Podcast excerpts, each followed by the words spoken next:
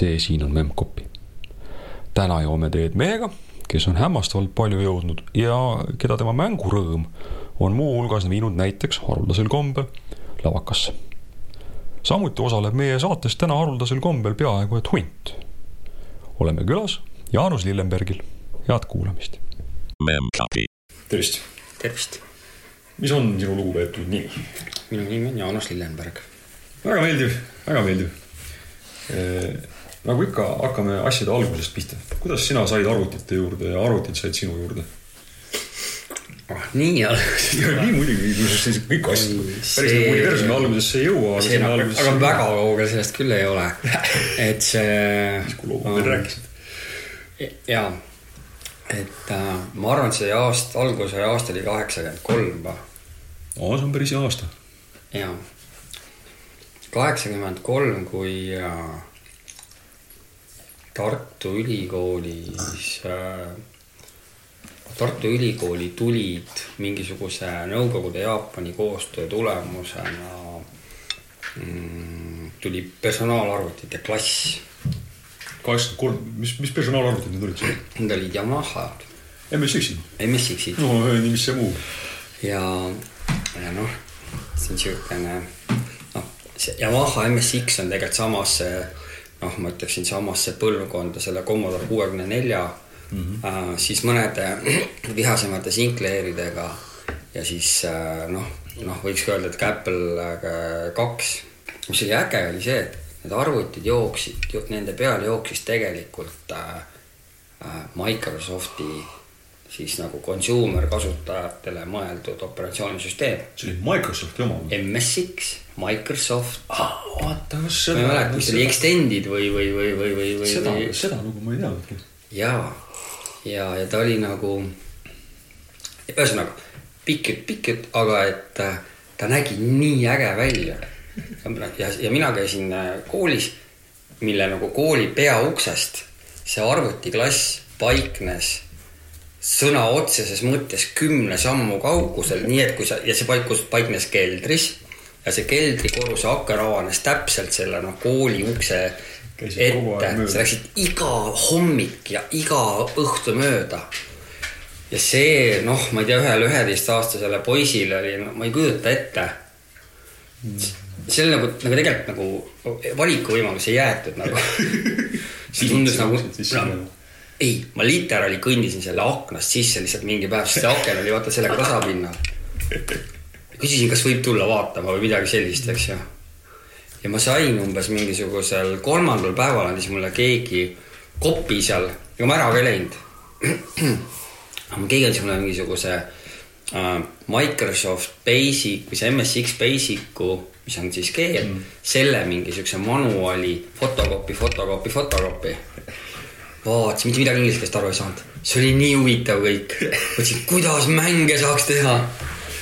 No vot ähm, see on tegelikult omaette peatükk, sest see kestis tegelikult umbes kolm või neli aastat, mille seas ma olin ka vahepeal abiõpetaja selles klassis. kirjutasin ise tekstiredaktoril mänge, siis äh, loomulikult häkkisin lõputus koguses mingeid äh, olemasolevaid mänge, kirjutasin oma elu esimese viiruse, mis aga- hävitas kõe flopi ketta põhimõtteliselt ja sisse panid oota, aga mis kool see niisugune oli? See oli Tartu kümnes keskel, praegu ta on Reiniku gümnaasium ja see klass paiknes siis nii-öelda selle ähm, Vanemuise, selle Vanemuise teatri vastas Vanemuise tänaval on Ja. siis äh, üks, äh, ma ei tea, kas mingi bioloogia, geograafia. oli seal. just, selle selle keldrikorrusele oli ma tean lubatud seda keelt väga matemaatikast hästi. just see on väga, kõik matemaatika. ja seal keldris oli tegelikult isegi kaks arvutiklassi. teine oli siis ahhaadid või agaadid, eks ju, mis siis oli venelaste äh, pihta pandud äh,, kas see oli Commodore'i või Apple kahe nagu kaks. sihuke koopia, eks ju äh, kusjuures mina käisin seal, mul läks rohkem kui aasta, et aru saada, et see tegelikult on Apple kahe koopia, sest et ta oli tegelikult nii kaugelt seal sama klassis oli ka Apple kahed onju. Nad olid üksteist tegelikult ikkagi tehnoloogiliselt üsna kaugel, kuigi protsessori tasandil sarnased, aga kõik see, mis sinna peal olid, olid nii erinev. see venelaste variant oli üsna niisugune industriaalne. ja, ja, ja, ja kas sa tead näiteks, et vene klaviatuuril äh, kui lugeda vasakult paremale, vaata inglise keeles on QWERTY, aga tead, mis vene klaviatuuril on või? pidev lag. et äh, ja noh, ütleme niimoodi, kusjuures point on selles, et tol ajal ei teadnud läägist mitte keegi mitte midagi. ära ütle, selles mõttes, et äh, äh sealt hüppame, sealt, kui me hüppame sealt mingisugune kaheksa, üheksa, kümme aastat edasi mm, -hmm. siis olid mingid Tartu Ülikooli mm, arvutiklassid, mis olid hästi suured termi-, su-, hästi suured masinad, mingi BSD Linuxiga ja, ja teisalt olid äh, olid terminalid, et siukse, see oli tol, too ajastu, kus oli võimas arvuti, millel oli siis niisugune hunnik terminale, ta moodustas terminalklassi, eks ju. ja, ja seal, seal oli ka niimoodi, et tol äh,, siis oli juba väga palju võrgutegevust mm -hmm. ja tolle sama ähm, arvutiklassi kõrval oli siis ka mingisugune niisugune IBM-i koopia või litsentsi all tehtud ES mm -hmm. äh, nõukogude arvuti, kus olid need vägagi need klaviatuurid kasutusel ja tegelikult siis oli, siis see pidev lääg oli nagu noh, väga nagu obvious äh, või niisugune ilmne nagu noh äh, kontseptsioon juba. tuleme korra sinna Vanemuise tänava juurde tagasi, et ometigi sinna kõik üheteistaastased, kes sealt mööda kõndisid, ometi ronid sinna aknast sisse, sest nad oleks klassi ära mahtunud. mis, mis, kuidagi seal pidi mingi tehnika või elektroonika või mingi sihuke huvi pidi enne ju olemas olema. ei, ta ei olnud Äh, ma tegelikult pidin ähm, minema hoopis ratsutamistrenni sellel ajal. ma läksin ka tegelikult, aga ma ei oska öelda, millega sa seda võrdled mm,. no mingi asi on selline, noh, et ta on nagu, et ta on visuaalne kohe mm, -hmm. eks. ta on uus, ta vastandub nagu põhimõtteliselt kõigele, mis ümber on aga sa, sa saad kohe tegelikult pihta, et see on mingi väga lahe asi. sest, sest ega sul ei olnud, sa ei olnud isegi nagu lugenud kuskilt. ma ei kujuta ette, kui sa läheks kuskile mööda, kus on lendamistrenn, kus inimesed hakkas lendama, et noh, noh, et see on nagu, et seal ei ole nagu noh, selle, noh, sa ei hakka arutama, et noh, ma ei tea, et ma pidin siin minema õhtul mingit telekat mingit asja, malet mängima või telekat vaatama, onju. noh, siis see, noh, see noh, et noh, lendamine on nagu mingi asi, mis on siuke noh, universaalselt väga cool, onju. Mhm. noh ja siis ta nagu ongi nagu lihtsalt kõigist teistest nagu kümme korda kõvem, eks. ja siis sa ei oskagi pärast väga hästi seletada, et miks sulle see lendamise trenn just meeldis, miks sa ei läinud malet mängima pärast. jah, et miks sa nagu, nagu lihtsalt kaldusid ükskõik mis tee sul oli, kaldusid seal kõrvale nagu lõpetasid, muidu ma läksin ratsutama ka, ratsutasin neli aastat ja see ei seganud.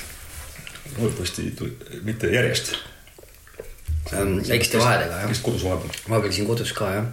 aga ei, ma mingi klassivenna võtsin kaasa sinna ja ma mäletan, eriti lahe selline arutelu äh, me saime aru, et see arutelu ei baseeru nagu kogu infole, mis meil on, nagu mõtlesin mm, -hmm. kuidas neid mänge ikkagi tehakse. et see assembler või et see masin koodab mm -hmm. ikka nii selline random välja, et äkki on ikkagi võimalik selliseid random kombinatsioone katsetades saada nagu mingeid päris lahedaid mänge, onju. Ise mõtlesime ka, et kurat, see võib olla ikka päris tõsi ei ole, aga mõtle, kui äge, kui nii saaks, et noh, noh, katsetad nagu, ma ei tea, kümme tuhat kombinatsiooni noh, kõikvõimalikud koodivariandid on ju. ja noh. milline läheb käima. milline läheb käima, milline ei lähe on ju. okei okay,, õnneks mingi nädal aega hiljem oli juba nagu mingi hello world ja, ja asjad tulid juba, eks ju, ja kõik oli väga äge. aga sellest, sest sellest MSX Basicust kasvas hiljem välja Visual Basic muideks mm.. et Visual, Visual Basicu õppimine oli ilmselt noh, what else is new, eks ju. Samad mustrid kõik. kes see seda vedas seal, sest pidi olema keegi, kes sind lasi sealt aknast sisse ja visanud kohe välja. mind visati sealt mitu korda välja aga kuna nemad olid oma väljaviskamisest tunduvalt vähem veenvad kui mina sisseronimises. ma nagu, ja ma nagu ei, ma nagu ei osanud ka nagu kuidagi solvuda või kuidagimoodi ka nagu pahaks panna seda, sest ma ju sain aru, et see ei ole ju minu jaoks tehtud, onju. Ma ju mõistsin, et nad, noh. Ma, näiteks ronisin päris mitu korda sisse mingisuguste õpetajate täiendkoolituse juures. see õpetajate täiendkoolitus nagu hiljem sain ju aru, et ega, ega neile ju tegelikult ei õpetatud arvuti kasutamist tegelikult õpetati neile seda, et maailm muutub, onju. Mhm. ja see oli niisugune hea, noh, niisugune käegakatsutav asi, mis oli sul tõestus, et maailm muutub. nii muutubki. nii muutubki, onju. Mhm. ja selle taga oli üks nagu, nagu väga-väga-väga vinge inimene. see on Anne Villems. Anne Villems ka kindlasti saab meie mikrofoni ette, kui ta vähegi avaldab selleks. Anne Villems, Anne Villems on selline ma arvan, et kõige defineerivam termin on, sest ta on tohutult kirglik inimene. nii on. ja, ja tema kirg oli see, et äh,, et kuidas nagu maailm nagu saaks paremaks. et aga õpetame neid inimesi, kes õpetavad teisi mm. -hmm. näitame nendele inimestele, kes näitavad väikestele inimestele, kuidas, milline see maailm võiks olla. ja ma arvan, et need inimesed, kes sinna tema juurde nendele täienduskool, täienduskoolitustele jõudsid, need algatuseks olid juba nagu noh, mingis mõttes peaaegu paremad, et nad suutsid endale selle sõnastada, et ma peaksin sinna minema, äkki mu maailm muutub paremaks. ja noh, need, kes seal nagu läbi käisid ja noh, omavahel suhtlesid, noh, ma arvan, et see oli nagu üks väga suur rest kive selles vundamendis, mille peale see IT-riik on ehitatud. nojah, sest sealt läks ju nagu eksponenti pidi laiali, eks ole, õpet-, õpetajad õpetasid omakorda ja nendest said omakorda abiõpetajad ja sealt, sealt nagu laiali läks, eks ole. ma toon jumala konkreetse näite, näiteks oli selline lugu, et seal oli üks, üks õpetaja, kelle nimi mul ei ole küll meeles, kes hiljem, kes oli Tartu Kunstikooli õpetaja, kes hiljem tõi oma lapsed sinna nagu tundi, need olid kunstikooli õpilased, neil oli mingi joonistusprogramm, kuuskümmend neli värvi, maa ja ilm ja nad päriselt tegid mingeid asju selle arvutiga olgugi, et printerit ei olnud, on ju, selle kahjuks see meedia jäi sinna, kus ta jäi, on ju, mis nad valmis said. aga vahet ei olnud mm. -hmm. ta täiesti ebaoluline. aga nad said nagu selle, selle tunnetuse. kontseptuaalselt täitsa uus asi, viis kunsti teha, eks ole. jah, ja, ja, noh, ja minu jaoks oli ka nagu ja, ja ka isegi ka minu jaoks oli, et noh, mina nagu mõtlesin, et kuidas ikkagi saaks mänge teha ja mängida ja oleks nagu tore on ju. no sihuke noh, lihtne primitiivne lähenemine, aga, aga lõpuks jõudis kuhugi välja. aga nemad võtsid sellesama mingisuguse graafilise editori ja lihtsalt tegid sellega mingeid siukseid asju, mis oli nagu, et ah mm, -hmm. et noh, sa saad aru, et, et noh, see on, see on sama trikk, kui nagu ma ei tea, ütleme nagu tuli iPhone, siis oli, et me ei tea veel, kuidas ta kõva on. aga ta kindlasti on kõva sajal moel ja siis, kui need nagu need asjad hakkavad tulema, siis vaatad, et noh, äge, eks. ja siis tollel hetkel oli see, see personaalarvuti või see noh, need MSX-id olid no, samasugused asjad. aga ma nüüd seda teemat edasi arendan, siis praegu noh, minu lapsed näiteks võtavad iPhone'i juba nagu kui niisugust, niisugust loomulikku nähtust, eks ole. Et ühel hetkel see nagu uudsus ja selline, et oh, me ei tea veel, kuidas ta äge on, aga kindlasti on, see läheb üle. sinu jaoks ei läinud? jätkuvalt oli huvitav oh,? ta ei läinud üle selle, noh, ta läks ikka üle, ütleme. ta läks üle sellel baastasandil, ta läks mingisuguseks järgmisele tasandile ja nagu mm -hmm. kõvemaks ja nii edasi, et noh, ma toon näite, et hüppame sealt mingi kaks aastat edasi Tõravere observatooriumi astrofüüsikud, kes olid maailmaga nagu hoopis teises kontaktis kui mingisugused koolipoisid, onju. tema oli minu alumine naaber, Enn Kasak. kes siis ähm,, aga, aga ühest küljest oli siis nii-öelda kontaktid, kontaktid nagu teadusalased, aga teisest oli ka niisugune sulas kogu see maailm, onju. ja liikus ka nagu noh, oli võimalik ka mingit business'id teha, onju. ja siis nemad tõid endale siis nagu teadlastega olid rääkinud teiste teadlastega, et on ägedad masinad nagu Amigad, eks ju mm. -hmm. Amiga, ma ei tea, viissada, mis oli nagu põhimõtteliselt next generation sellest Commodore kuuekümne neljast, noh, ta oli nagu kümme korda võimsam protsessor juba, noh, ja nii edasi, eks ju. graafik, graafika oli nagu noh, hoopis teisest klassist kui äh, MSX äh, see Z kaheksakümmend protsessor võimaldas nagu kolmehäälset muusikat teha, siis Amiga suutis teha mingi kuusteist kanalit, on ju. noh, noh, täis tänapäeva mõistes oli kaheksakümne üheksandal, kaheksa, kaheksakümne kuuendal aastal oli täis midi lahendus, oli sul võimalik kodus püsti panna. mitte mingit probleemi polnud.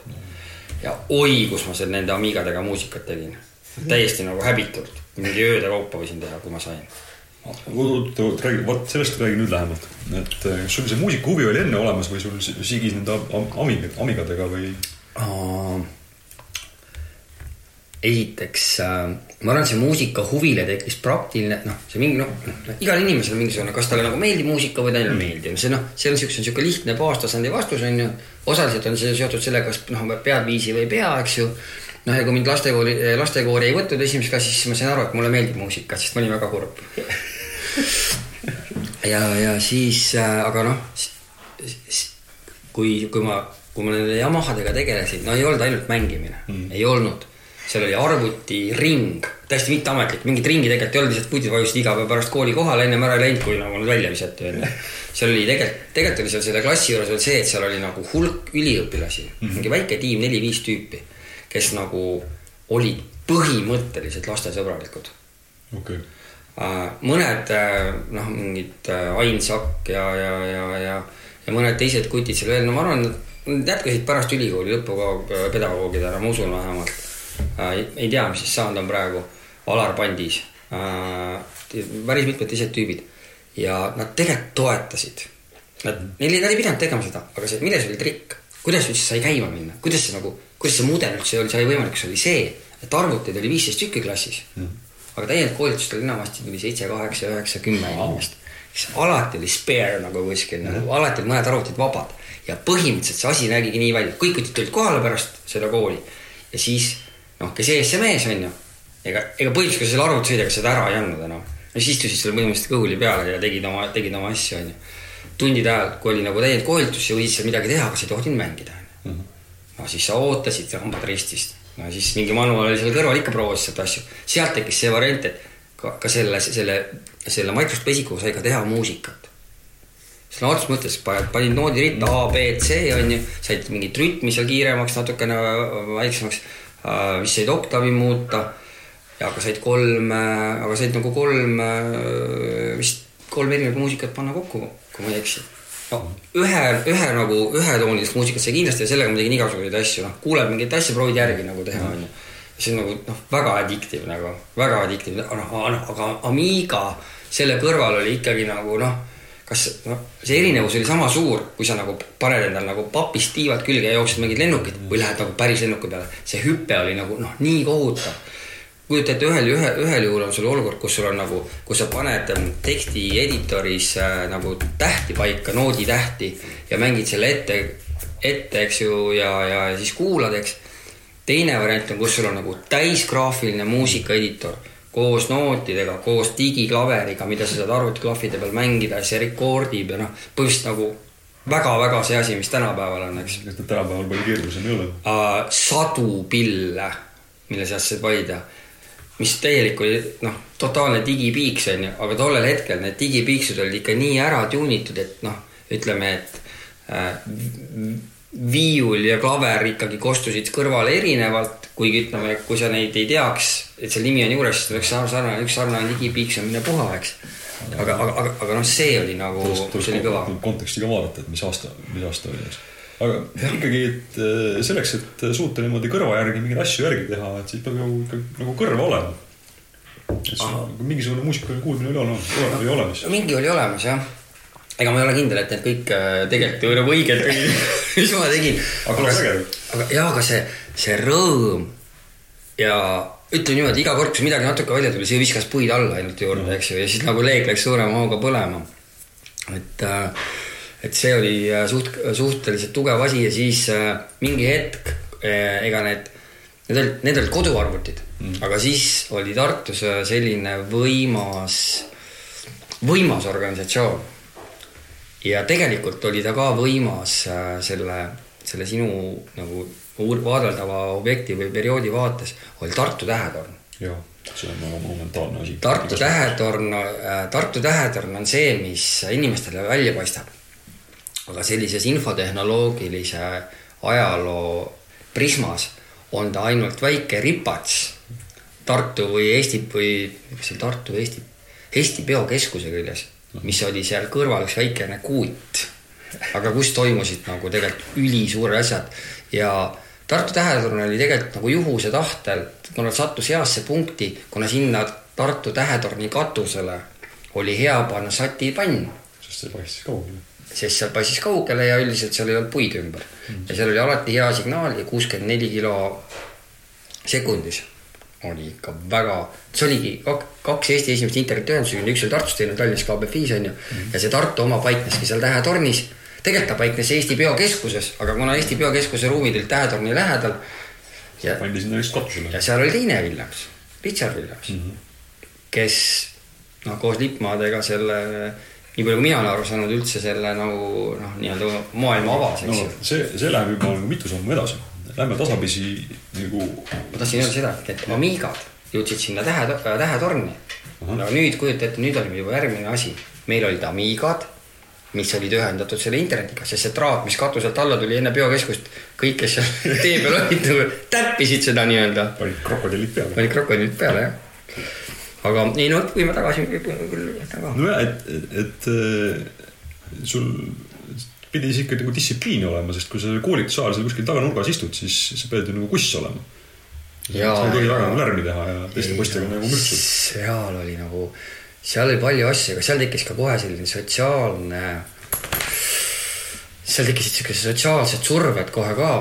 et ähm, no ma toon sulle ühe näite too näide. ega ülikool ei jaksanud ikka, ikkagi kakskümmend neli seitse äh, ju teha kool- täienduskoolitusi. Seevastu üheteistaastased kutidel pole mitte mingi probleem kakskümmend neli seitse seal kohal olla või kaheteistaastastel, eks ju. ega, ega suhteliselt ruttu mõtlesin ma sellise asja välja nagu võtmeluba nii. ja siis ikkagi noh, laupäeval ja pühapäeval ei toimu koolitus.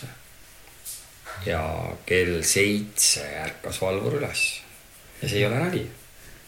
ja kui see võtmeluba saadi, kui mina sain neid võtmeloaga inimesi, umbes kas mina ja võib-olla äkki üks inimene veel, siis kell kuus nelikümmend ma panin kodus, oli kell neli siis laupäeval või pühapäeval. vahepeal siin laupäeval oli vene, vene ajal kool ja, ja siis äh, kell seitse olime seal ukse taga. selle suure-suure maja ukse taga. see oli väga unine valvur ja ega nad alguses ei uskunud, et mingi võtmeluba on, sest nad ei tea midagi. Võtmeid antakse välja täiskasvanutele, minge minema onju. aga kui sa oled juba kell seitse hommikul sinna kohale läinud, ega sa sealt ära ka ei lähe. ja siis oligi mm,, palusin helistada mingitele inimestele pühapäeva hommikul, süüdimatult onju. mul on see võtmeluba, mina olin nagu enda nagu õiguses kindel. Kas ma, eks ma noh, väga üksikud valvurid, kes olid uued, ei tahtnud sisse, aga enam, ega mingi, mingi paari kuuga, paari-kolme kuuga oli nad kõik ära nii-öelda välja õpetatud ja sest äh, jama ju ei, noh, jama ei tekkinud. ei keegi nagu ei läbustanud ja Ei. ära karastatud midagi, ära lõhutud. läbustamiseks pole mitte mingit aega. kust see aeg veel võetakse? ei, seal ei olnud tõsiselt selleks aega, et ainukene aeg, kus toimus mingi jama, oli siis, kui inimesed ootasid selle arvutiruumi ukse taga, et mingi koolitus lõpeks, et äkki järgmisel koolitusel on auk ja siis me saame keegi saame sisse ja nii edasi, noh, sellised asjad. okei okay.. aga miks just sulle anti see, kas sa kuidagi paistsid silma seal või olid eriti tubli või eriti korralik või eriti pealetükkiv või? midagi kõike neist, aga see, aga selle sisuline põhjus oli see, et ma äh, tänapäeva mõistes tegin vabatahtlikku tööd Mm -hmm. ehk siis või noh, paneme selle siukse lapse vaatenurka, et äh, ma nii tahtsin olla nende arvutite juures, et ma olin nõus tegema abiõpetaja tööd, okay., kui toimus päris koolitus oma vabast ajast ilma rahata ja noh, ja sisuliselt assisteerima, sest kui, noh, on sellised noh, minu jaoks oli sihuke noh, suvatitekas kraam on ju, et noh, mingi näidatakse, kuidas nad ja arvuti käima käib, kuidas, mis see üldse on ja kuhu tuleb vajutada, mis see tähendab ja noh, saad aru, ta oli selline väga ülilihtsa taseme skill set, mille laps omandab noh, mingi paari-kolme päevaga täiskasvanud on nagu. täiskasvanud ja, ja, ja, ja mind, mind, mul ei olnud mingit probleemi nagu noh, näidata nendele tädidele, et noh, näe vajuta siia ja tädidel oli ka hea meel, et lapsed nagu on ka kuidagimoodi noh, nii-öelda oskavad seda asja ja Anne Villems ka mind välja ei visanud eriti onju ja eriti. noh, vaata enda arust minul oli väga tore, ma ei tea, ma ei tea, kui nagu, kui palju seal on veel see, et et me ei jaksanud võidelda enam, siis ei olnud mõtet välja visata jah tuleb küsida ka ja tuleb küsida jah. ja, ja neid tüüpe oli päris, päris äh, äkki oli mingi, äkki ikkagi oli mingi kolm tüüpi, kellel see võtmeluba oli. no aga ikkagi vähe, eks ju. vähe, sest et äh, noh, ega kõik ei jaksanud seal ka kogu aeg käia, kõik ei mahtunud ka, eks need, kellel nagu noh, kes ei, kes järgi ei jätnud, need lõpuks, need lõpuks olid, eks ju. jäid sõjale. ja see kestis sul kuni keskkooliajani välja. see kestis mul kuni keskkoolini jah. keskkoolis ma läksin teise kooli, Treffnerisse uh. Ahah. -huh. ja siis Treffneris olid seal äh, mingid oma arvutiklassid, aga, aga siis juba muutus see tähetorn tolle aja peale nii nagu noh, selliseks äh,. seal oli tegelikult ikka hästi palju asju. Ma arvan, seal lindi- lindistasin mingid esimesed lood Tähetornis onju äh,. käisin Astroomia ringis äh,, seal oli mu enda see naaber töötas seal, seal olid need Amigad, seal ma õppisin mingit seed kirjutama oh.. Kaur Virunurm õpetas oi, Kaur Virunov õpetas sind siit kirjutama. tähendab, ta oli ainuke tüüp, kes äh, äh, suutis sellise niisugune overwhelming äh,, see on niisugune maailma kõige halvem õppimismeetod, kujuta ette, et sul on sinu kõrval on inimene, kes tahab mingit asja õudselt osata ja ta ei oska mitte midagi ja ta ei viitsi manuaali lugeda. põhimõtteliselt nagu sind, sinust, sind muudetakse nagu selleks elavaks manuaaliks, kus nagu sellise õpp, niisugune õppimise arvideerijat käib nagu iga nagu noh, vahel nagu kahe-kolme minuti tagant ja siis äh, Tartus oli teine keskus, oli veel füüsikahoone, mis oli Tähe tänava alguses, seal oli äh, Taavi äh,. Äh, Taavi, Taavi, Taavi Talvik. Taavi andis mulle äh, Siim manuaali, ahah, mis oli äh, fotoaparaadiga pildistatud vist konkreetselt. no ta oli, ta oli Sii mingisugune handbook äkki onju. kas see võis olla see Ritsi, see kuulus, see sinise siga C-raamat? kuule, seal, seal oli ainult must ja valge sinist ei olnud midagi. sinist ei olnud seal midagi ja ma, ma veel mäletan isegi mingisugune kümme-viisteist aastat hiljem ma leidsin neid üksikuid fotokopi lehti kuskilt, lugesin, on päris hea raam onju.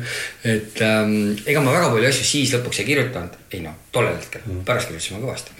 aga, aga igatahes Kaur oli see tüüp, kes nagu jaksas tegelikult siis selle ära taluda, selle mm. tohutu huvi, sest äh, sest sellest siis sai ikkagi noh, ikkagi noh, seal oli ikkagi selline väga korralikud mingid esimesed X-teed olid juba tolle aja peal ilmunud ja et too assembler oli hoopiski teisest klassist kui Z kaheksakümmend assembler, mis on ikka siuke koduassembler mm. -hmm. siis vaatasin, et kurat, see on ikka hoopis teine risk, mingi kaheksa kohta on ju, mitte neljakohalised koodid on ju.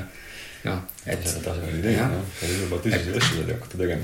ja, ja, ja, ja noh, noh siis mingil hetkel lõi nagu noh, selline murdeiga sisse ja siis noh, siis tollel hetkel siis nagu see, ta ei olnud nagu niimoodi sada protsenti ajast, vaid mingi seitsekümmend prossa ajast ainult. ja õudne lugu küll. õudne lugu jah, ja, jah. tuleks selle keskkooli asja juurde tagasi, et et tavaliselt sel ajal inimestel tekivad mingisugused niisugused, noh, see muusikahuvi nagu mainisid. et tekib mingisugune niisugune kultuuriline kontekst ka sinna juurde, et on räägitud mingit ulmeraamatutest ja mingist niisugustest asjadest. Räägi korra sellest asjast ka, et kas sul käis selle arvuti värgiga mingisugune muusika, mingisugune raamatud, asi. väga hea point, hea punkt, point, sa selle välja tõid. tead ähm, mm,, äh, vaata, seal on nagu kaks sellist äh, suunda. et äh, esiteks me peame, peame aru saama sellest, millisele lavale see, need idud nagu kasvama läksid. et see oli tegelikult oli ikkagi akadeemiline Okei. Tartus ja noh, ja akadeemiline tähendas tegelikult enamasti kõrget lu- lugemust mm. akadeemiline tähendas enamasti niisugust keskmisest paremat kirjandusega kursis olekut mm,. Kasak äh,, tal oli tolle aja kohta täitsa okei raamatukogu. tädil oli ka üsna hea raamatukogu ja, aga noh, kui me vaatame nagu neid autoreid või noh, label'eid siis nii-öelda, mis siis olid, siis noh, Asimov oli kindlasti kõva uh,. Mu enda vanaema oli tõlkija, tõlkis mingi kuuekümnendatel iRobot näiteks eesti keelde. ohoh, tuleb, tuleks panna mälestussammus. no vot, siis eh, tegelikult, tegelikult terve Asimovi kogumiku vist äh, natuke vist kellegagi koos, aga noh, anyway, selle niisuguse ulmekogumiku, aga äh, siis äh, teine väga tugev liin oli igasugused äh, sõrmused ja nende isandad. ah soo, see oli täpselt sama kõva ähm,. võib-olla ma nüüd natukene sihuke noh, nii-öelda mõtlen üle onju, aga noh, Sõrmuste isanda lugu ikka alati on, on ikkagi ju tegelikult selline mingi suur, sinust palju tugevam kurjus, mille vastu sa ei saa, eks ju. Ja mõtle, mis aast-, mis aastad need olid, kaheksakümmend seitse, kaheksakümmend kaheksa, kaheksakümmend üheksa. see lootus, noh, need need kuidagimoodi nagu match isid õudselt hästi. no kuidas see sõrmust, sest kääbik oli olemas, aga minu sisse tuli see teadmine, et, et sellest kääb-, et see kääbik on üks osa mingist nagu suuremast asjast alles mingi üheksakümnendate teisel poolel. no hästi, meil, mulle tuli kaheksakümnendate lõpus kas. see oli ingliskeelne raamat või? jah no.. inglise keeles ja see oligi see, et sa vaatasid, noh, esiteks need raamatud olid nagu noh, niisuguse keskmise vene niisuguse mm, papitrüki kõrval olid nad nagu noh, läikivad, ilusad onju, noh, oli, inimesed olid pannud oma raha sinna alla, et neid saada, et need olid nagu mm,. kuidas tunda ära tolle aja nagu sellist, tolle aja niisugust inimest, kes äh, tollel ajal nagu hästi tegev sa näed, neil kõikidel on kodus kuskil niisuguses tugev, niisuguses suhteliselt tähtsas kohas on nagu täis Tolkien. hästi lihtne indikatsioon tegelikult. ja see ul-, aga see ulme nagu oli tegelikult teine, teine liin äh,. Asimovid, Bradbury'd, kõik see ja vaata, osad asjad tegelikult Mirabilia sarjas ilmunud ka onju, noh, see tegelikult see, noh, see teadmine laiem. see oli nagu üks suund, see on niisugune nagu sihuke kirjandussuund. oot, ma selle kirjanduse kohta küsin, kas, aga Strugatskid, sest need on. jaa, aga see oli, aga see oli sihuke kodukirjanik. okei. Strugatskid loomulikult olid. Strugatski niikuinii. ja tõi Stanislav Lemm ja, ja, ja ikka mm.. ja vaata äh,, oli, oli siukene ulmekirjanduskogumik nagu Lille Tälsernile. jaa. noh, see oli siuke suht äh, ka nagu noh, niisugune mandatory kirjandus vaata, kui noh, tütarlastel on võib-olla Herman Hesse stepihunt kotis, siis noh, poisid raamatut kaasas ei kandnud, aga kuskil oli ikka natuke ära näritud äh, nurkadega see Lille Tälserolli või, või midagi sinnapoole, eks ju uh,. ikka, ikka olid jah, et uh, aga ütleme selline, selline USA um, ulmekirjanduse uh, sissevool, nad natukene jah, nad moodustasid sellise kultuuri uh,, kultuurivaate, siis sõltuvalt aga noh, näiteks mu, muusika oli näiteks nagu teistmoodi ikkagi, noh, suured inimesed kuulasid suurte inimeste muusikat, noored kuulasid mingit noorte muusikat, noh. ja, ja, ja noh, see Tähetornis nagu kuulati ikka noh, väga palju mingit äh, muusikat maki pealt kõvasti äh,. Seal oli nagu sellised naljakad set-up'id koos, et näiteks tar- äh,, esiteks oli see Tähetorn ise, siis seal olid füüsikatudengid mm, -hmm. kes põhiliselt olid äh, pühendusid astronoomia suuna peale, näiteks Kaur oli seal üks mm. Viru noor, siis äh, teisest küljest olid seal äh, selle tähetornil oli direktor, tähetorni direktor, tähtis mees, tähetorni direktori lapsed käisid Miina Härma gümnaasiumis onju. ja siis need lohistasid mingisuguseid oma klassivende, koolivende, koolilasi, need tuiasid seal kogu aeg ringi onju.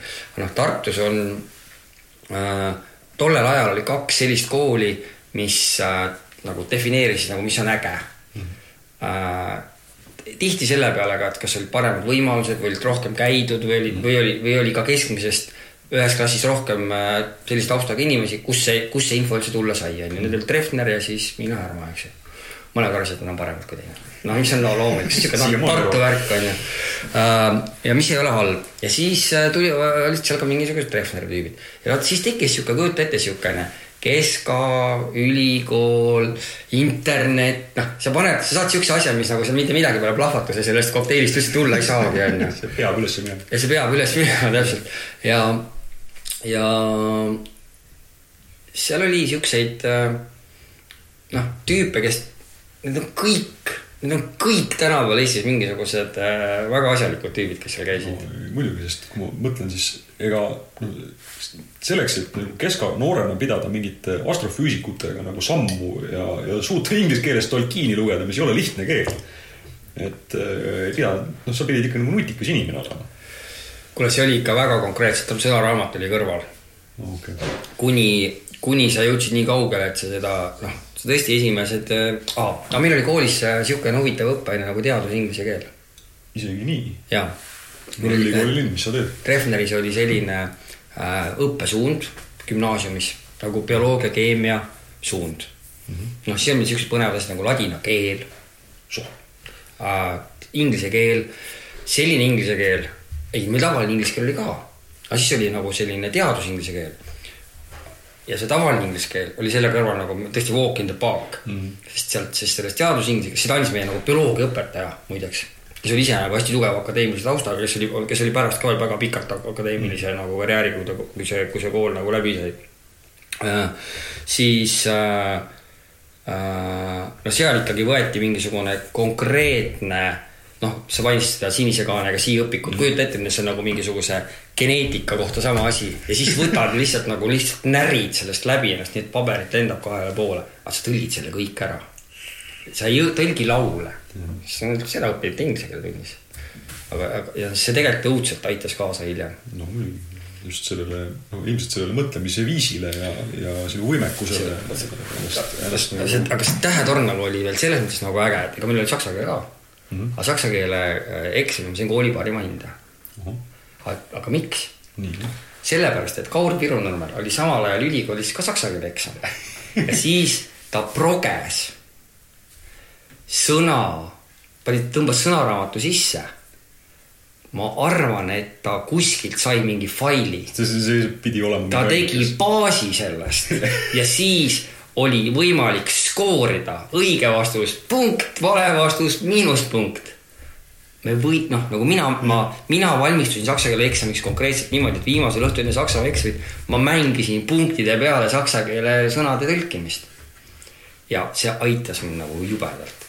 ehk siis see oli, ma arvan, et see on äh, üks esimesi kordasid, kus ma võin kindlalt väita, et infotehnoloogiline tööriist parandas minu sooritust hüppeliselt oli, oli ka sooritus, eks ole. aga oli ka keskkooli lõpueksam, et ma ütlengi parandus hüppeliselt ja enne seda näiteks mul selles samas lõpuklassis vist ühel veerand oli ka kaks saksa keel. aga noh, see on selline ealised iseärastused. Need, need, hinded, hinded ja nagu teadmised ei ole alati nagu noh, omavahel nagu lineaarses se- se- seoses on ju no mitte lineaarne see. mittelineaarne seos, just nimelt ja seega oli, aga et, et noh, ja see toimus sealsamas tähetornis. kõik see möll.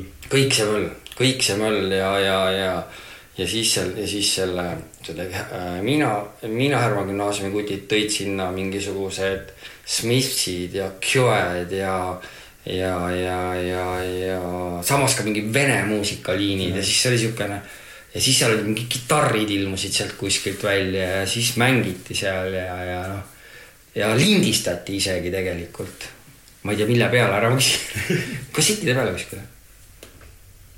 Ja siis äh, samas oli seal, kujuta ette, seal oli samas oli selline siukse äh, nõukogude hõnguline teaduskultuur, mille juurde käis konjaki ja kohvi koos joomine näiteks, mida küll nagu, mida küll nagu mingi keskkooliõpilased ega, ega üliõpilased ei saanud endale lubada, aga seal tubades see hõng oli üleval tegelikult mm. -hmm. et ähm, ma ei tea nagu, mis asjaoludel seda seal joodi seal mingeid nagu läbusid otseselt sellisel kujul nagu ei toimunud, aga siis noh, kuidas ma ütlen sulle, see kõik äh, noh, seal see tekitab atmosfääri no just, sest seal, seal ju keegi tegi teadust ja mitte paha teadust. ja, ja täiega ja sest see, mina isegi käisin astronoomia selle kõige kõrvalt käisin nende astronoomia ringis. saadeti isegi oma mingi tööga mingi Balti või ma ei tea, või võib-olla isegi mingi, võib-olla isegi suurem mingi õpilaskonverentsidele esinema nende teadustöödega, eks ju. et noh, et ei olnud nagu kõike sai teha. aga kui see keskkool ükskord otsa sai, siis noh, mis, mis kooli sa läksid enne õppima? ja ma pidin minema ajakirjandust õppima tegelikult ülikoolis oli siuke asi, et kui sa tahtsid ajakirjandust õppida, siis pidi ma, pidi ma, pidi olema portfoolio. muidu võib-olla täna kahte ja tänapäeval ka, et ega arust jumala okei mõte. sa pead olema avaldanud midagi mm. -hmm. sa pead, sul, et ehk siis ülikoolis, et kui sa tahad, noh, nii-öelda statement oli see, kui sa tahad tulla ajakirjandusse, mitte amet, kui sa tahad tulla ajakirjandust õppima, siis kuidagi veena meid, et sa tõesti tahad seda teha, on siis ajakir-, ajakirjanduse õpetamine või üldse siukse meedia õpetamine tegelikult suhteliselt äh, noh, kallim tegevus kui näiteks, ma ei tea, keeleõpe on ju. kuidagimoodi aita meid nagu, et me usume, et sa tahad tõesti seda teha, et sa lihtsalt ei, lihtsalt taha, taha kuhugi astuda, on ju. me olime kõik mingid, mulle tundus, et kultuuriajakirjanik on väga äge olla. tolles vanuses ma arvan, iga mees arvab, et kultuuriajakirjanik on väga äge olla, sest kindlasti on oma arvamus maailmast. Mis on nagu õige arvamus. ja õige arvamus ja, ja, ja põhimõtteliselt nagu enda, enda arvamuse mass tiražeerimine tundub nagu kuidagimoodi teiste aitamine veidral kombel. hoiame meelde, kõik oleme seal olnud. ühesõnaga, ma tegin igasuguseid ettevalmistusi ja tegin, avaldasin ja, ja tõesti käisin kontserditel ja tegin intervjuusid ja kirjutasin arvustusi ja, ja kõik oli nagu okei okay. aga, aga siis mingi, mingi, ma käisin kuskil näiteringis ka samal ajal veel tegelikult ja siis, ja siis ähm, noh, mingi kuskil mingi lõpuklassi äkki mingis veebruaris märtsikuus olid, oli mingisugune äh, Viljandist mingi lavaka sisseastumiseks nagu katsete eelvoorud on ju, siis noh, äge läheb Viljandisse trallima, teeme pullima ja ja üldse šeik-, šeiklema. noh, ja sealt eelvoorudest ma sain nagu edasi. ja no siis noh, kool sai juba läbi ja siis oli nagu, nagu hädas, et noh, et nagu nüüd juunis on siin mingi lavaka asjad ja juulis peaks ma nagu eksamid ära tegema, et mis ma siis teen. siis läksin lavaka sisseastumiskatsetele ja siis äh, sain sisse ahah, see on siuke õnnetu juhus või õnnelik juhus. jah, ja kuna ma üldse ei stressanud, võib-olla see oli osa põhjust, kuna ma tegelikult, ma ei olnud, ma olin nagu noh, ma teadsin, ma mul on ajakirjandusega nagu siuksed plaanid ja mingid head soovituskirjad olid ka tol ajast ja Postimehe ajakirjanike poolt, kellega ma lihtsalt neid asju teinud ja nad õpetasid mind ja igatepidi tore oli. no siis ma õppisin äh, ligi aasta lavakas. aga, aga no vot seal oli sihuke lugu, et äh, ma sain mingil hetkel aru, et see ei ole ikkagi, see ei ole see asi, mis ma teha tahan mm. -hmm. aga selle otsusele jõudmisel ikkagi tegelikult kõik see eelnev, mis ma kirjasin, see oli tegelikult väga tugev mõjutaja. no sest, sest lavakas oli see maailm ikka oli hoopis teistsugune. Lavakas oli see maailm teistsugune ja ütleme noh, see lendamise trenn oli ikka aknast paistis tegelikult kogu aeg, jah. ja seal lendamise trenn aknast paistis ja siis ma sattusin siuksesse ägedasse kohta nagu kooli kõrvalt. nagu Riigikogu kantselei. ahah, see on ju tol ajal juba seal Riigikogus äh, seal asjad. täiesti adekvaatne kraam oli seal juba tol ajal, üheksakümmend kaks. Mhm. täiesti adekvaatne kraam. ja, ja seal olid äh, need Lorentsi vennad, Looritsed mm, -hmm. Loorits, mitte Lorentsid, jah, Looritsed. ja, ja noh, siis oli siukene, seal oli siuke äge arvutivõrgumäng noh, põhimõtteliselt äh, üheksakümnenda aasta, üheksakümne esimese aasta tolle aja Fortnite. mille nimi oli Mume, mis oli muda, mis oli Tolkieni ainetel, nagu ma tuletan meelde, siis need ringkonnad olid kõik ähm, väga tugevalt Tolkieni usku peaaegu, eks ju. ja see Mume oli siis äh, põhimõtteliselt siis äh, teksti interface'iga äh, võrgumäng. Mm, muda nii-öelda.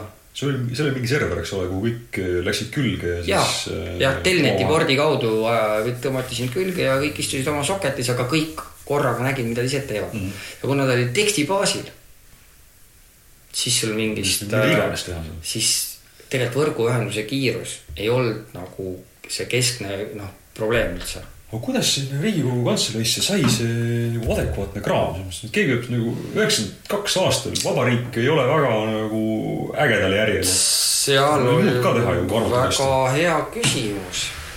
mul ei ole kõikide kuttide nimesid meeles, aga näiteks Tarvi Martens kindlasti teab sellest midagi mm. -hmm. siis sihuke kutt nagu Toomas töötas sinuga Riias ka koos vanem kutt, hästi viisakas, äh, sihuke äh, soliidne mees. Toomas Mölder. Toomas Mölder, just mm.. Toomas Mölder, kes oli äh, Enliib ehk siis tollase Rahvusraamatukogu IT-juht tegelikult tänapäeva mõistes. ma arvan, ma arvan, ma arvan, ta oli igatahes, ta oli väga adekvaatne.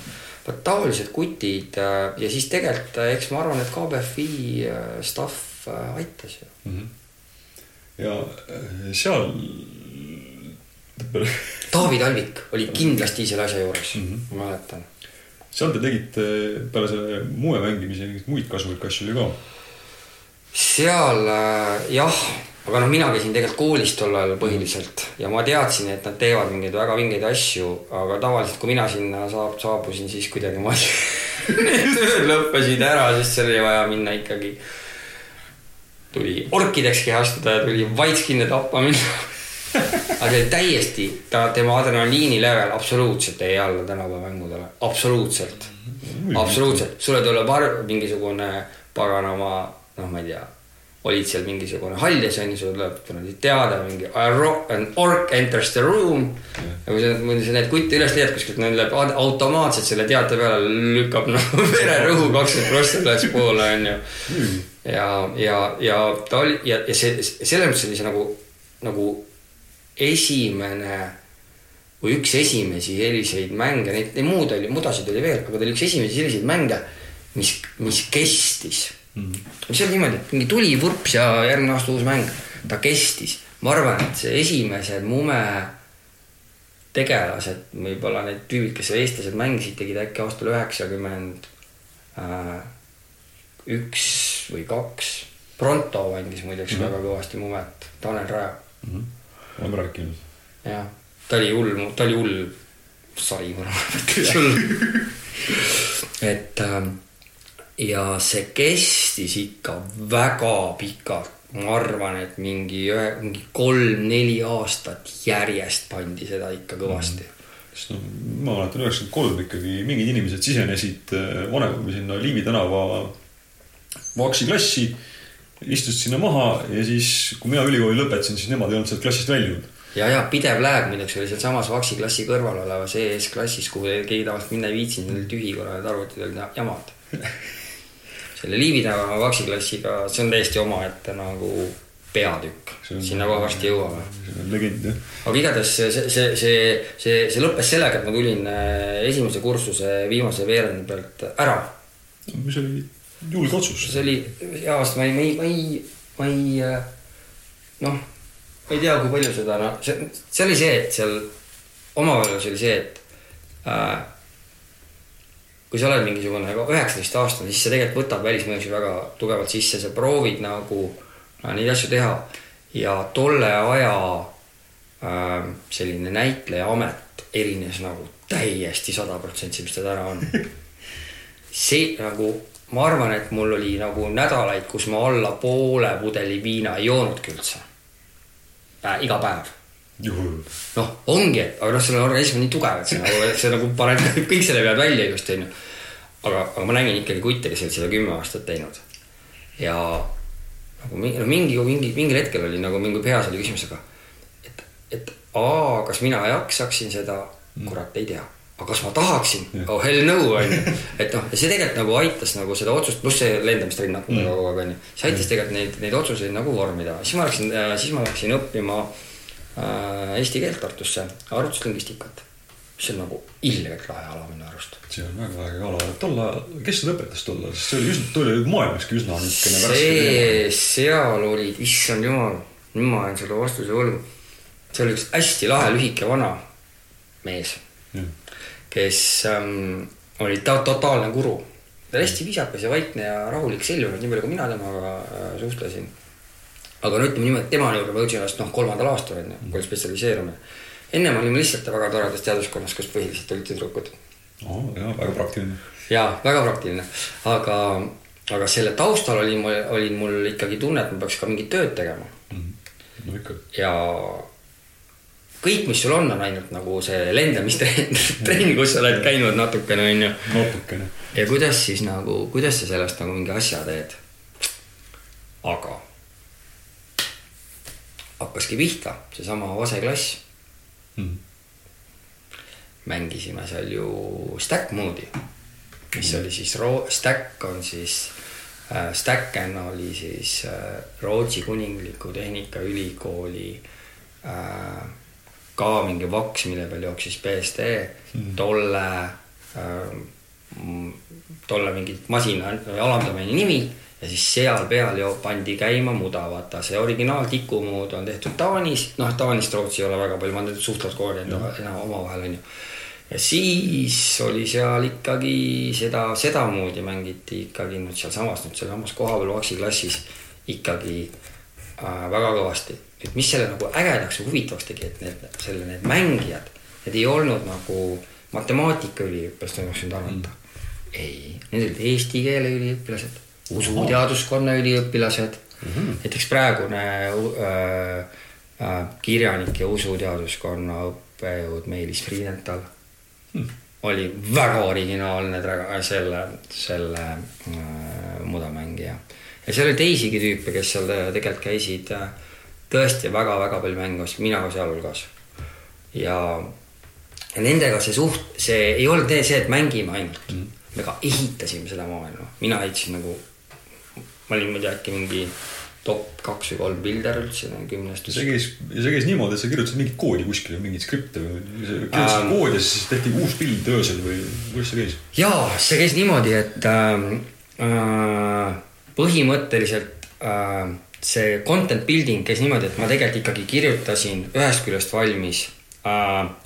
väga lihtne oli, ma sain koodi koopia mm, -hmm. mul oli andmebaasi struktuur, kus ma kirjutasin väljad täitsin ära väljad käsitsi, kujutad ette, kujutad ette, sa nagu võtad andmebaasi tambi ja siis võtad selle tekstieditoriks lahti ja siis teed andmebaasi reast näiteks sada kuni äh, tuhat kuussada, teed copy ja siis kirjutad sinna asjad teistmoodi, nagu nad on.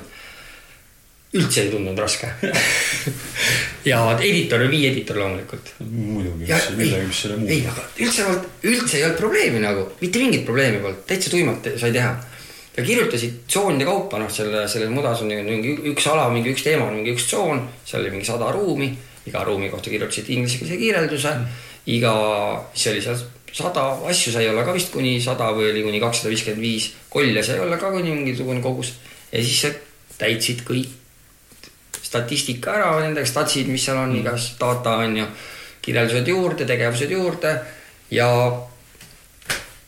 postitasid ja kutid ülitasid selle, siis kompileerisid ära ja siis oli siis. Sii tähendab okay.. ja, ja siis nii ta tuli, eks ju, aga me saime nendega hästi, saime nendega nagu tegelikult ka nagu üsna hästi läbi mm. -hmm. Ja noh, siis eks, eks sa ikka vahepeal räägid nagu siukest olmest ka, ütlesin, noh, et kurat, meil on siin mingi üks klass ja see ka nagu on kogu aeg pooltäis, siis kui mingi ahv paneb FTP-ga mingi kurat teab mis asju nad seal tõmbasid, onju, siis ei saa üldse mängida, onju, ja noh, ühesõnaga siukene inimlikud teemad ja siis ütles, et no kurat, aga meil on siin üks arvuti nagu siukene mm, üle mm, -hmm. me saime uue oma Jah. aga mis arvuti, ei no Vax, ahah, mis peale, no BSD, okei, okei. ma mõtlesin, oo ilgelt lahe oleks, kui selle kuidagi saaks endale.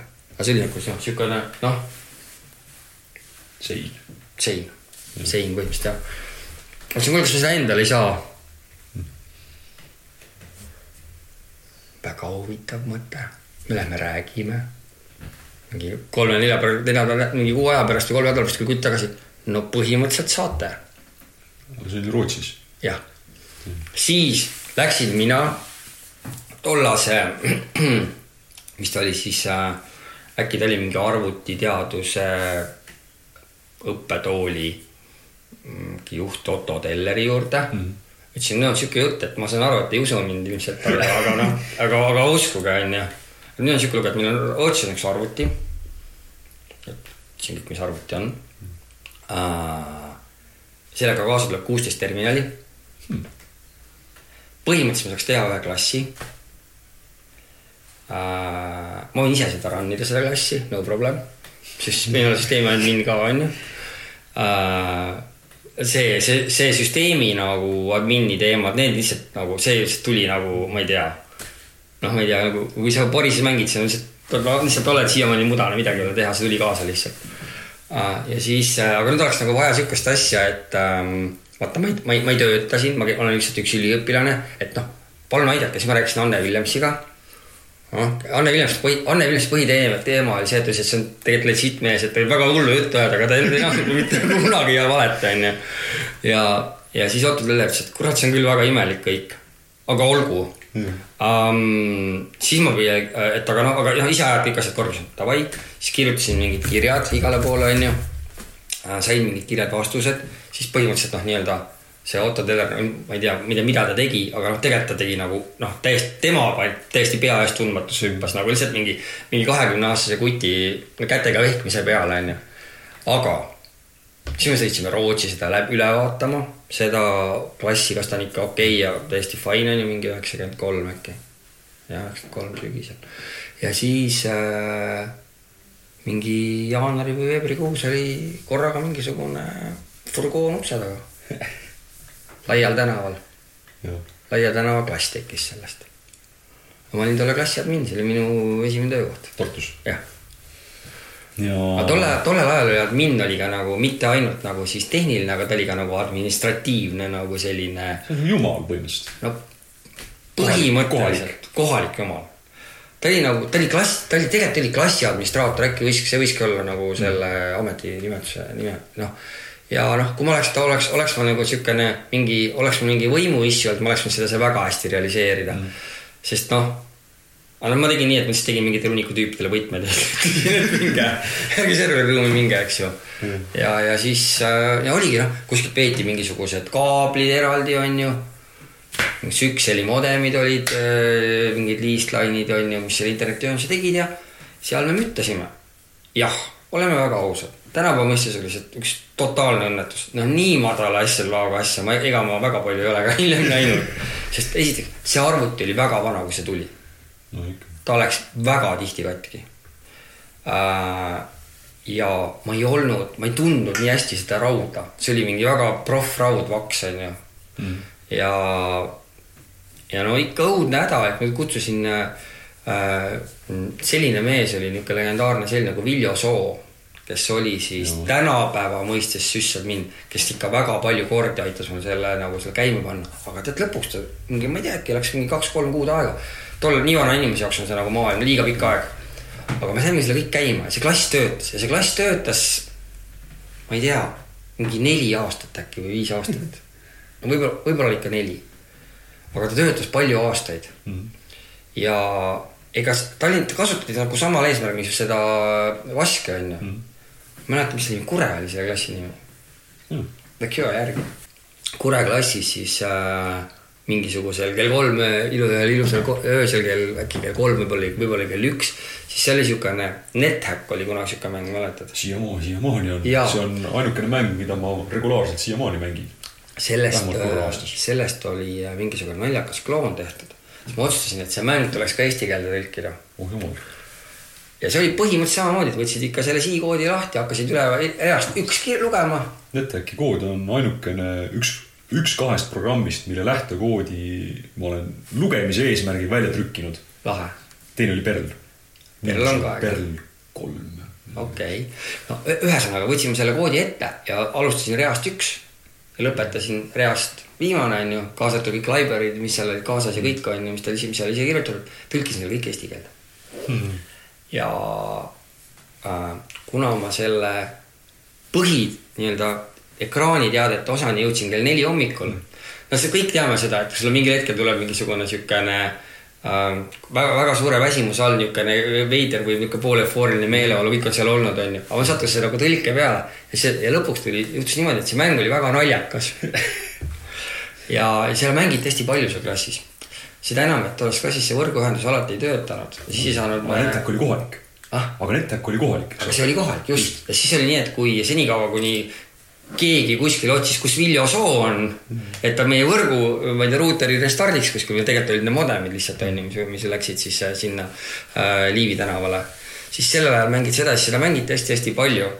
mina, minu, mina nagu ei arvanud sellest midagi, nad tegid ära tehtud ja las ta olla onju, aga siis äh, seda hästi palju mängiti. kahjuks see selle koos selle masinaga, see kood läks kaduma. aga, aga oot, ma korra küsin seda, et äh, üldiselt on sellises faasis on kaks sihukest auku, mis tõmbavad inimese nagu enda juurde, mis siin tundub, et millegipärast ei tõmmanud. Üks on see akadeemiline maailm, noh, nutikas inimene, eks ole, tiirled ülikooli ümber, noh, järsku tekib huvi nagu teadust teha. või siis teine on see, et äh, vabariik tekib, mingisugused arvutid lendavad edasi-tagasi, järsku tekib kihu äri teha mm. -hmm. et äh, siin kumbki nagu ei tõmmanud. Äh, mind äri ei tõmmanud sellest, ma olen äärmiselt vaesest perekonnast pärit mm.. mul oli, mul, ma ei tea, mul, ma lihtsalt, ma raha ei olnud nagu mingi asi, minu, mul, mul ei olnud lihtsalt seda kunagi mm.. kui sul seda ei ole nagu, siis noh, sul ei, siis ei ole ka nagu, nagu sul ei teki nagu mingeid rahaga selliseid nagu lähedasi suhteid. teame. et äh, lihtsalt mul mingi saiapiim oli kuude kaupa näiteks ainuke asi, mis läks. aga pole tullu onju, nagu tegelikult see oligi teise järgu aga aeg. see, selle akadeemilise maailmaga oli see, et me räägime ajast, kus ma olin ikkagi esimesel kursusel alles. praegu okei, okei, jah. kõik on nagu, kõik on hästi veel. et ähm, äh, aga siis selle, sealt nagu mõned kuud edasi toimus üks täiesti selline noh, ma ütlen niisugune tüvikursus või tüvitegevus, kus Anne Villems ilmus tagasi pildile mm -hmm. Ja Anne Villems tegi Eesti esimesed webmasterite kursused. aastal mis, üheksakümmend neli alguses äkki või? ma olin juba Tartus sel ajal, huvitav, miks mina sinna ei sattunud. see oli mingi väga naljakas asi, sest seal Liivi tänaval olid need kuulsused üleval mm. -hmm. noh, oma arust ma olin ikka juba kõva käpp siis, sest et noh, põhimõtteliselt ma noh, kirjutasin ähm, äh, noh, Kohver oli tollel ajal mingi teema ta, ta, ta oli nagu nii noh, et kuidas Kohver töötab. oota, vaata, näed. aa, oota, oota, natuke veel lugeda, nii, no nüüd on loetud, nüüd ma tean, kuidas Kohver töötab et noh, see oli nagu tolle ajas, ta oli nii simple mm., ta oli nagu tegelikult selle HTML üks standardi eelkäija onju mm., ta oli nii simple. põhimõtteliselt oli sul server, klient ja äh, mingi see markup language või see keel olid umbes kõik mahus tahtus nii pika nagu selle peale ära, eks ju. noh, lugesid läbi selle kümne minutiga, siis ahah, see on Kopfer onju. noh, ta ei olnud nagu nii keeruline, et sinna üldse keegi oma aega oleks väga palju pannud onju, no siis tuli HTML onju. noh, siis mis see HTML, noh nagu Kopfer, aga see jutt on lihtsalt nagu nii palju pikem onju. no aga siis äh, äh, need kursused ikkagi tulid ja seal kursusel selgus, et noh, ikkagi natuke on ikkagi rohkem onju. Ja seal neid inimesi, kes seal neil kursustel käis, oli selline tead, see oli jälle täiesti suht kirju seltskond, ei olnud, noh, tänapäeval on ikkagi nii, et sa satud oma dedicate'i nagu silos äh, sellesse kohta, kus sa pead sattuma ja kui sa seal selles silos ei ole, siis sa lihtsalt sinna ei satu. sinna sattus igasuguseid karvasid ja sulelisi. no täiesti igast rahvast ja noh, tõesti teaduskonna üleselt, ma, ma ei imesta isegi mingid usuteadlased, kes seal selles käisid, eks ju. aga see oli nagu okei okay., sest too oli üldse nagu point uh,. Anto Veldre oli näiteks seal millest me räägime? ta oli hoopis mingi noh, teine mees on ju, kui noh, täna, aga sealt hakkas noh, tal oli juba mingi huvi seal ees äh,. ta tegi mingeid teisi asju, aga minu arust oli ka tollel kursusel okay.. aga ma ei mäleta, kas õpetaja või õpilane. mis seal siis väga palju vahet oli, ega, ega olles seal ei olnud vahet, üks mees oli selle asja läbi lugenud ja rääkis teistele edasi, eks ju. Aga Anne Williams äh, oli see seal ikka seda tegelikult väga hästi ette valmistanud ja tulemus oli see, mis siis juhtus. kui me selle kõik käisid ära, mitte midagi ei juhtunud Mm. aga kuskil olid need nimekirjad alles. ja E-net ähm,, ma ei tea, kus see E-neti, E-net tegi endale veebilehe ja siis oli kuulnud, et on siuksed asjad nagu webmaster'id, kes siis on, kes siis on inimesed, kes on selle asja läbi lugenud ja siis, kes siis nagu seda tegelikult seda oskavad teha ja tekib, tekib nagu nagu mingisuguse avaliku infohalduse äh, funktsioon üldse organisatsioonis mm.. nüüd ma oskan seda nii hästi seletada, tollel hetkel ma mõtlesin, noh, teeme paneme asju internetti. paneme asju, ma ei tea, tee kõva asi, teeme Eesti kaardi, paneme CGI map'i kõrvale siis kui vajutad sinna, siis juhtub midagi.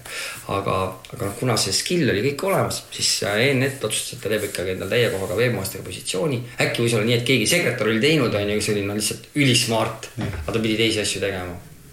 või tegi Marek Tiit seda, kes seal to tollel ajal oli, ma ei mäleta, igatahes anyway asi lõppes sellega, et äh, mingi sama, mingi pool aastat hiljem äh, kutsus ENet mind, noh, too palk oli lihtsalt kolm korda kõrgem. jube raske oli ei öelda, mis siin, siis leidsime kellegi teise, kes teda klassi haldas. ja siis, noh siis läks nagu siukseks nagu väga ägedaks. siis me saime Tarvi Martensiga tuttavaks ja Toomas Möldriga ja käisime Eestit esindamas ja kuskil mingitel asjadel juba ja äh, tegime ne- E-netile korraliku veebi, tolle esimene, esialgu oli ta korralik, pärast muidugi tehti palju-palju ägedamad.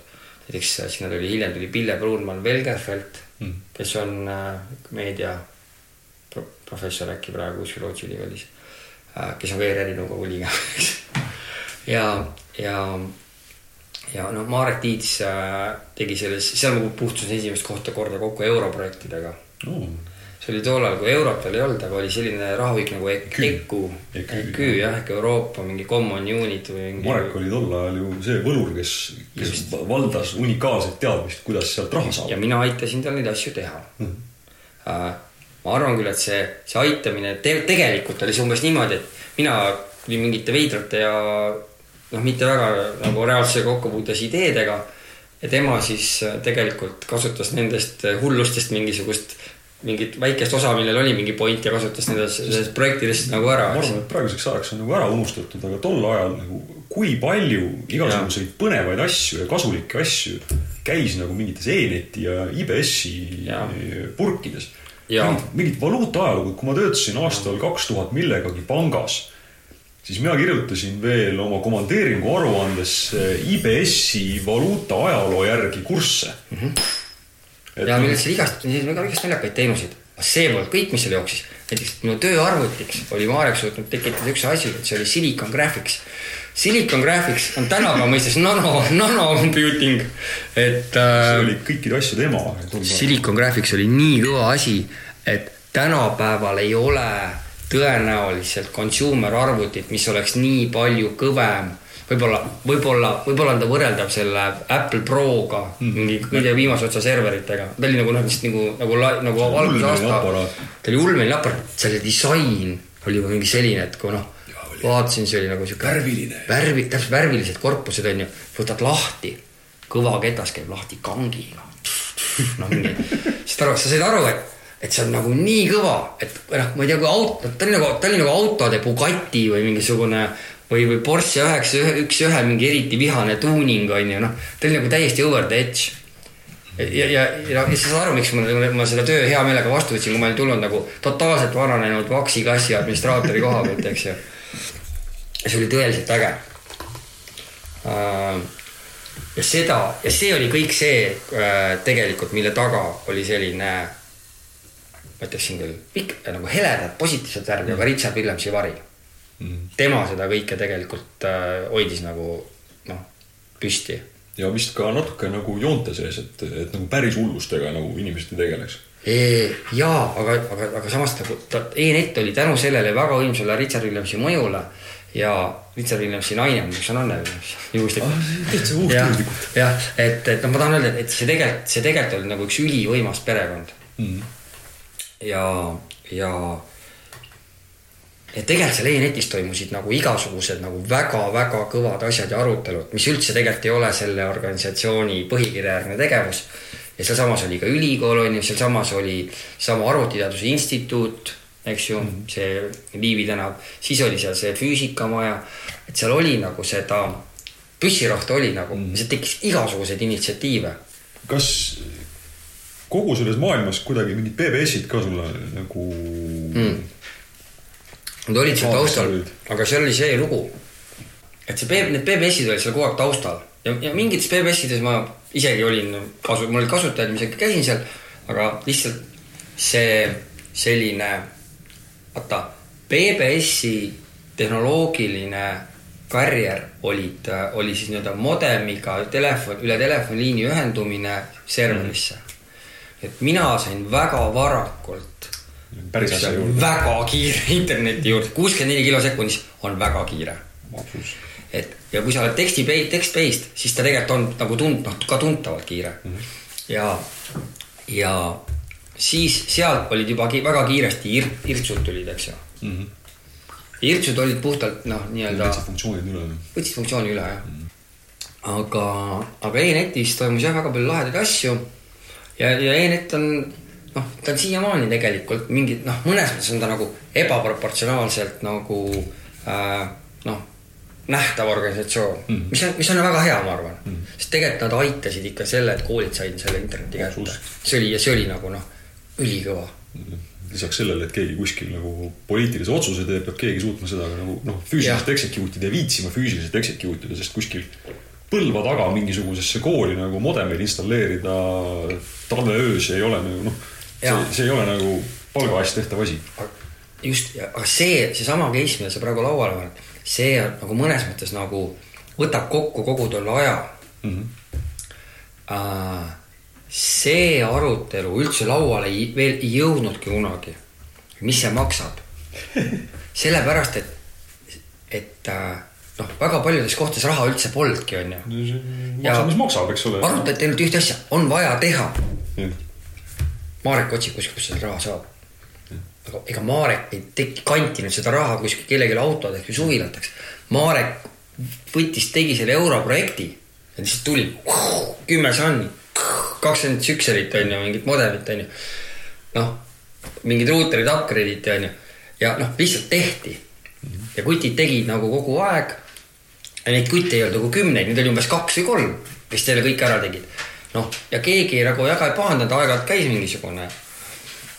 ma ei tea, Antsla kooli mees küsimas, no kuidas teil läheb, no oktoobris tuleb või? kõik. ja tulid ka, onju, no okei okay,, vahel tulid novembris, aga vahet ei olnud, eks ju.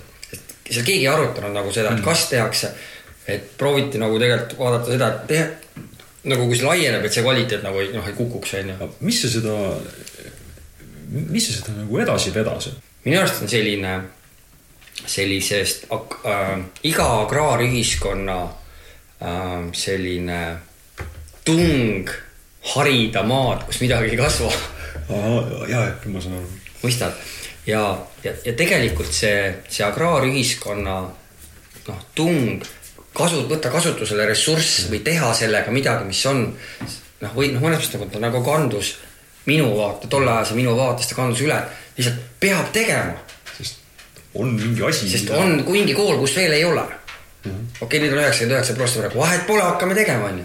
et ja noh, mõnes mõttes oli ka lihtne, et selle prioriteedi määras see, milline kool kõige rohkem, kes nagu ise nagu huvi tundis. alguses ei tundnud üldse palju huvi.